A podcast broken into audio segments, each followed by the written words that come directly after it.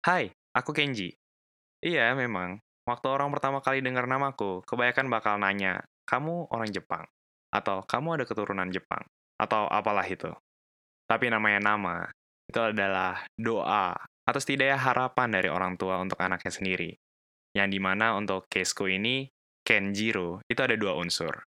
Kenji, yang dalam bahasa Jepang berarti anak laki-laki, dan Ro ini, ini singkatan dari Loro, yang berarti kedua. Sehingga waktu digabungin menjadi Kenjiro, anak laki-laki nomor dua.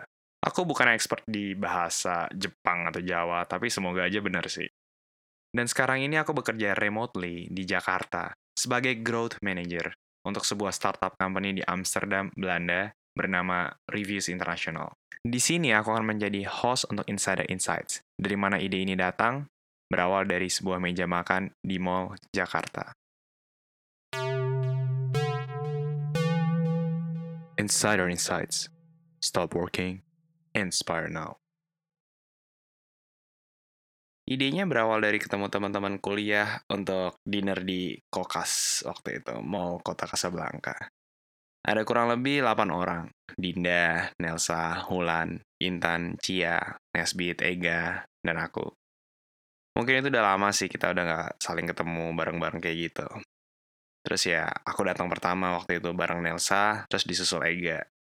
Kita ngobrolin gimana hidupnya masing-masing. Dan di situ aku masih bisa banget tuh ngikutin dan enjoy pembicaraan kita masing-masing. Terus satu demi satu teman-teman yang lain pada datang, sampai total ada 8 orang di meja itu. Awal-awalnya, udah dari awal tuh, aku udah mulai kurang bisa ngikutin dan kurang enjoy pembicaraan kita di situ sih. Ya bukan karena aku nggak bisa paham apa yang mereka bicarain, atau karena aku super introvert atau gimana. Tapi karena overwhelmed dengan jumlah topik yang dibahas di meja itu sih. Aku inget banget tuh, waktu itu aku duduk di seberangan Elsa, kita posisi sama-sama di tengah meja kotak itu. Jadi di antara teman-teman kita. Kita berdua tuh cuma diem aja, lihat-lihatan, karena mungkin ada empat topik dibahas di meja itu. Padahal yang lagi ngobrol tuh cuma enam. Kan aku sama Nelsa diem aja dan total ada delapan orang.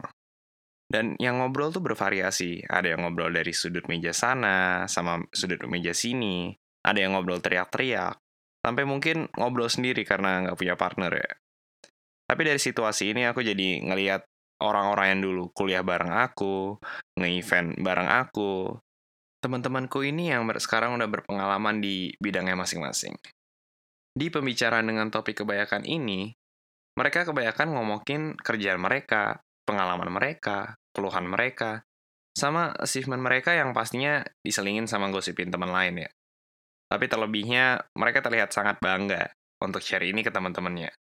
Ya, setidaknya menurutku personally ya, dengerin insights gini dari teman-temanku yang memang udah terjun, udah berpengalaman di bidang itu, ada sesuatu yang menarik dan sangat bernilai.